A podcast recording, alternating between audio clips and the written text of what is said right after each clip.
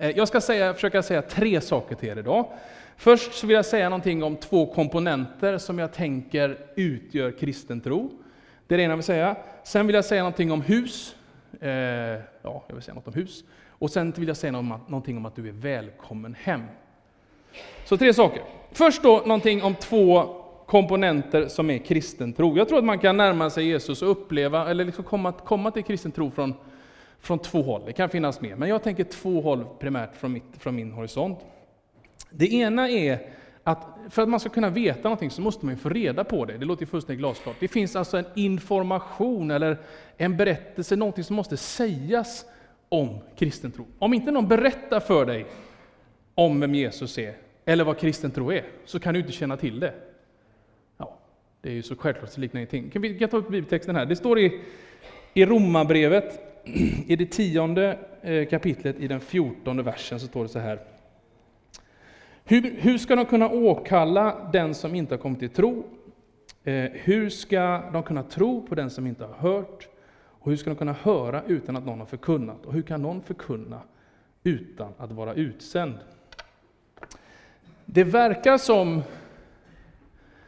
att tron kryper in genom örat. Alltså, hur kommer tron in i en människa? Ja, men den verkar krypa in genom öronen. Det är när man får höra någonting berättas som man kan komma till tro. Om ingen någonsin säger någonting till någon, så verkar det inte som om tro kan uppstå. Och den här bibeltexten har någon slags ordning, att man är utsänd, ivägskickad för att förkunna, det vill säga berätta, så att någon ska kunna höra och kunna komma till tro och kunna åkalla Gud och bli räddad.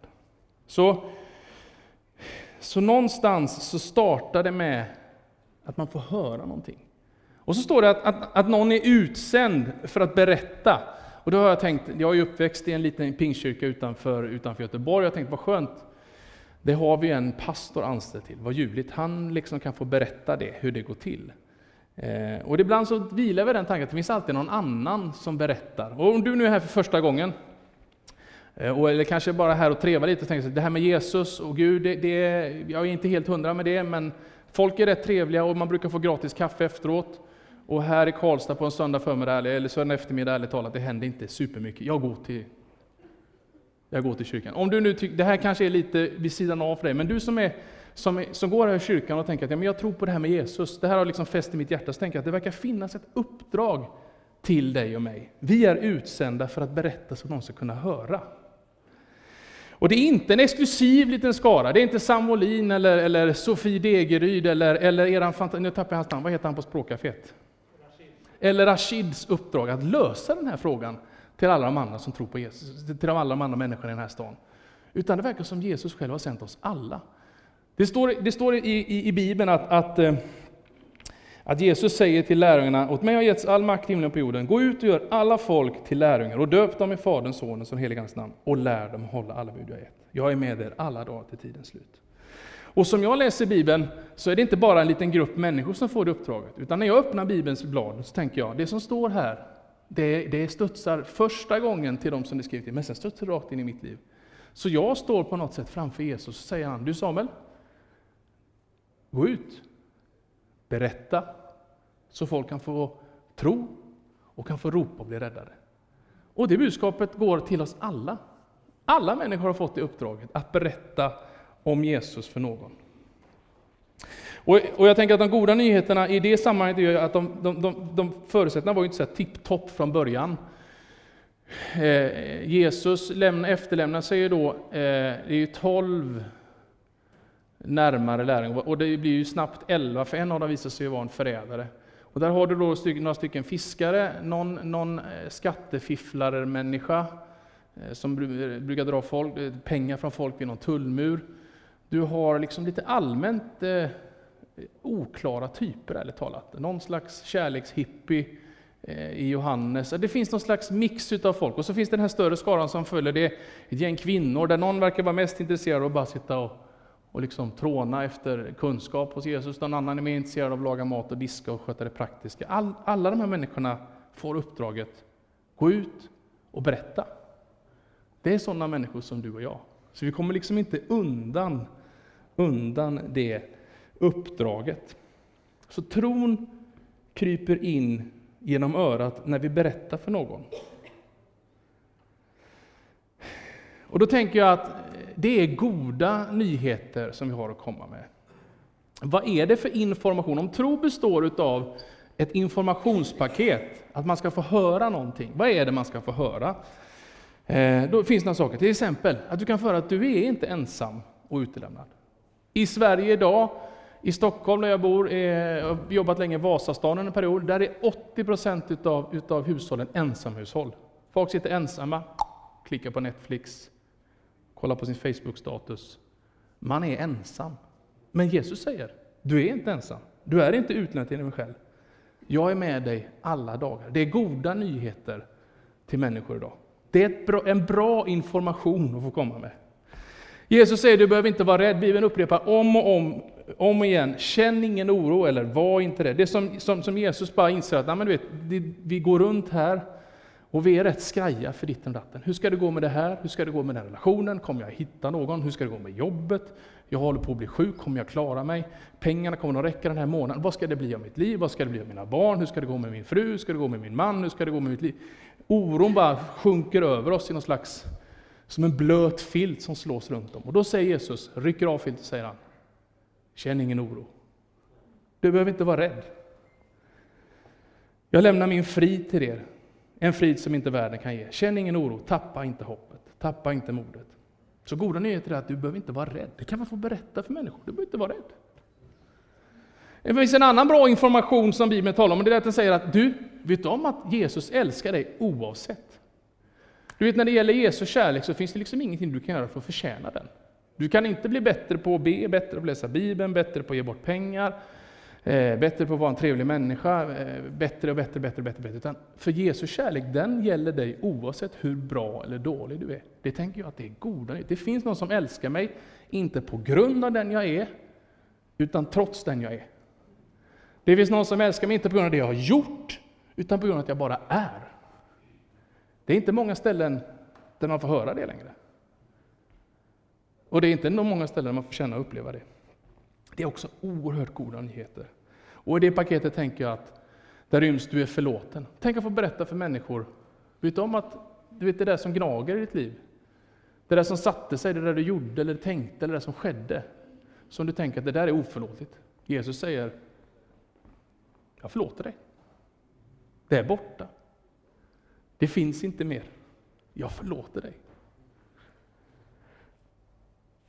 Det, det sägs att det gjordes en undersökning i, i, eh, i USA för några år sedan, när man frågade vilka människor, vilka var de mest populära meningarna, fraserna man kunde få höra. Då, då var den första var Jag älskar dig. Det var det bästa man kunde få höra. Någon kom fram, och tittade lite i ögonen och sa Du, jag älskar dig. Det var det bästa man kunde höra. Nummer två var Du, jag förlåter dig. Att få höra, nej men jag är förlåten. Det finns inget band kvar. Jag är fri. Och den tredje var, middagen är klar. Det känns bra för mig. Så jag tänker att, att, att, att få komma med de goda, att få bära av goda nyheter, att få berätta, att vi får vara sända, kunna få, få liksom berätta för människor, få krypa in genom örat och in i hjärtat att du är förlåten, du är älskad i alla lägen, du behöver inte vara rädd. Och du är, ens, du är inte ensam, du är inte utlämnad till dig själv. Det är riktigt goda nyheter. Det är bra, ett, så att säga, ett bra informationspaket att få komma med. Men du vet, så kan man hålla på och förklara det där, och man kan berätta, och man kan bläddra i Bibeln, och här står det, och du vet, och här, ja, man försöker liksom berätta den här, den här informationen, utan det är inte alltid säkert att det fäster. Och ibland fastnar vi liksom i, i att man vill ha hårda fakta, och det ska vara på ett visst sätt, man ska förstå allting. Och en del av kristen tro handlar om att förstå, få någonting förklarat, att få höra. Men det andra delen som jag tror är jätteviktig för kristen tro, det är att få uppleva någonting. För det är när vi upplever någonting som det får fäste i oss. Jag menar, det kan vara mycket information som finns på plats, men det är inte förrän jag får uppleva det som det verkligen händer någonting. Jag berättade på ledarkvällen här, här, här, om, eh, här om veckan att jag har en, en bekant som som liksom jag har uppnått en viss rondör. Eh, som är inte, inte är lämplig för hälsan. Och jag menar, både han och jag vet ju att det, det vore bra att tappa några kilon. Att det vore bra att kanske springa några kilometer då och då, eh, dra ner lite på det ena och på det andra, eh, beroende på vad man väljer för någon diet, på att säga. för att bli i lite bättre form, därför att man skulle må bättre för hjärtat och du vet, allting blir bättre. Men du vet, skillnaden mellan honom och mig är att för, för några år sedan så fick han plötsligt lite stickningar i, i handen, i armen. Då tog det lite fart för honom. Han upplevde någonting, det var negativt. Han upplevde någonting som gjorde att all information som han hade plötsligt bara, nej men nu räcker det, jag kan inte ha det så här länge, för det här är ju farligt för mig. Och så gjorde han en förändring. Och jag, brukar inte, jag ber inte till Gud om några stickningar, men någon, någon, typ av upplevelse skulle jag väl behöva uppenbarligen för att få någon fart på just den här grejen. Men, men vi behöver uppleva någonting ibland för att informationen ska få fart. Och eh, Man kan säga till exempel att just nu så är det svält i runt om jorden och i Sydsudan, men det händer inte så jättemycket. Men om man visar den här bilden på det här. Och du tänker på att du har egna barn och barnbarn. Du tänker på att det kunde ha varit du. Ja, men då händer någonting annat, för det, det kopplas ihop med upplevelser i ditt liv.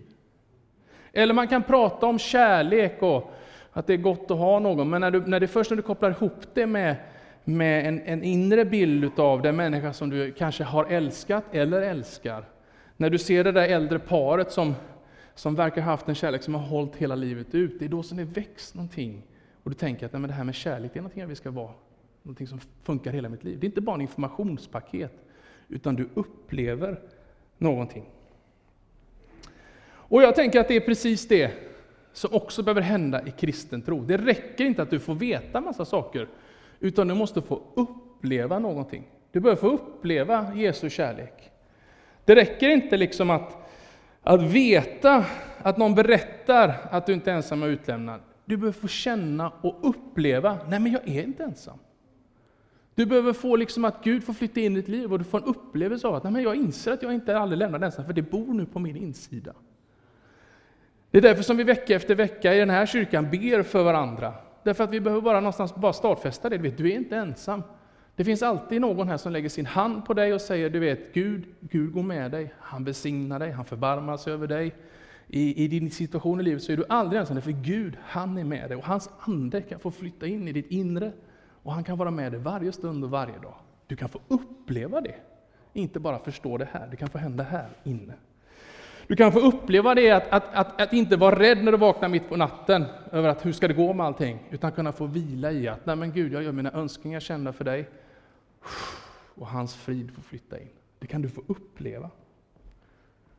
Du kan få uppleva att du alltid är älskad. Du kan få uppleva att det finns förlåtelse.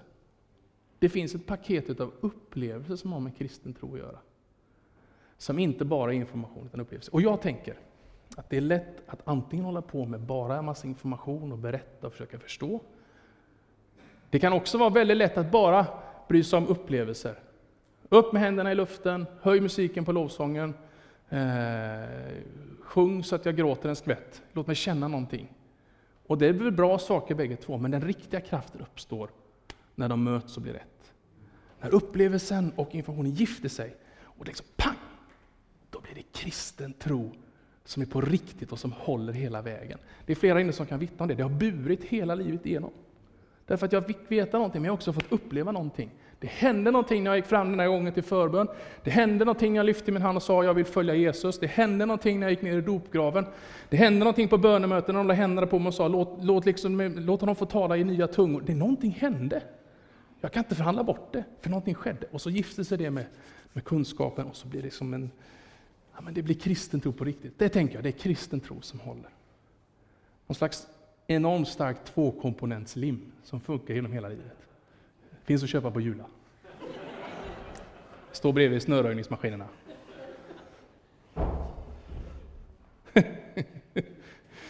Kära Gud.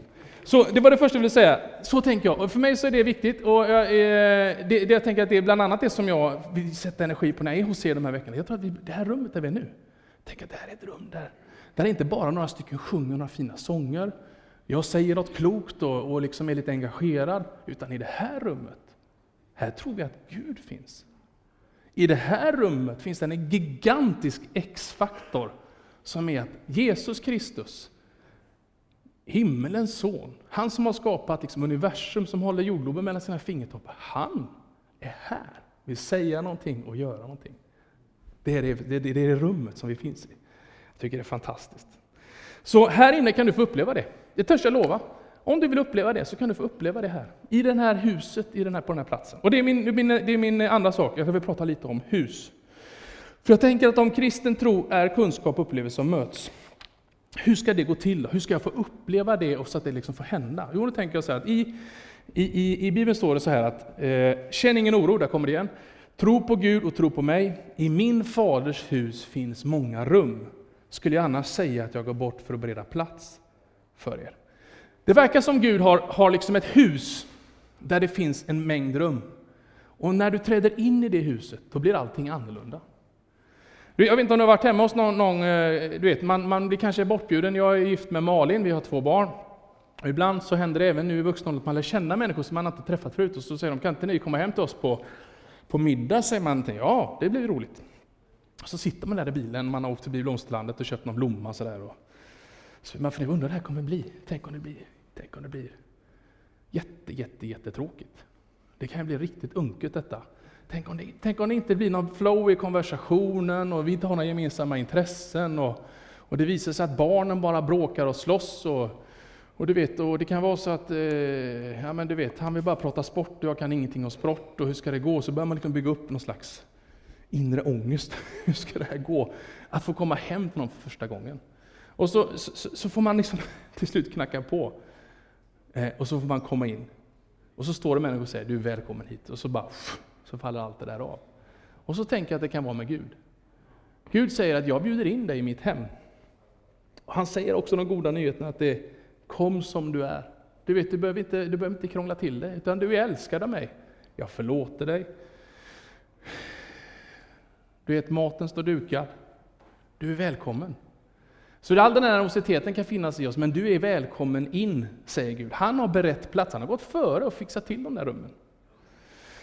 Och jag tänker att det är, det, är liksom, det är som att han släpper in oss i sin hall och säger välkommen hit och sen så får vi gå in i lite andra rum. Man hamnar i något vardagsrum där det är härligt att sitta och något kök där det doftar god mat och du vet, man bara inser att här inne, här får jag uppleva gemenskap, här får jag möta Gud själv. Det tänker jag, så går det till när man får, när man får möta Gud själv. Man får flytta in, komma in i hans hus, i hans hem. Det kan vara lite nervöst i början, men till slut så man får komma in, så får man flytta in i de där rummen. Och jag tänker att för oss är det så här idag, och det för mig till min sista, nu har jag pratat lite om, om de två starka komponenterna, och så har jag pratat lite om hus. Och tänker, i det här huset står Gud och säger att du är välkommen hem.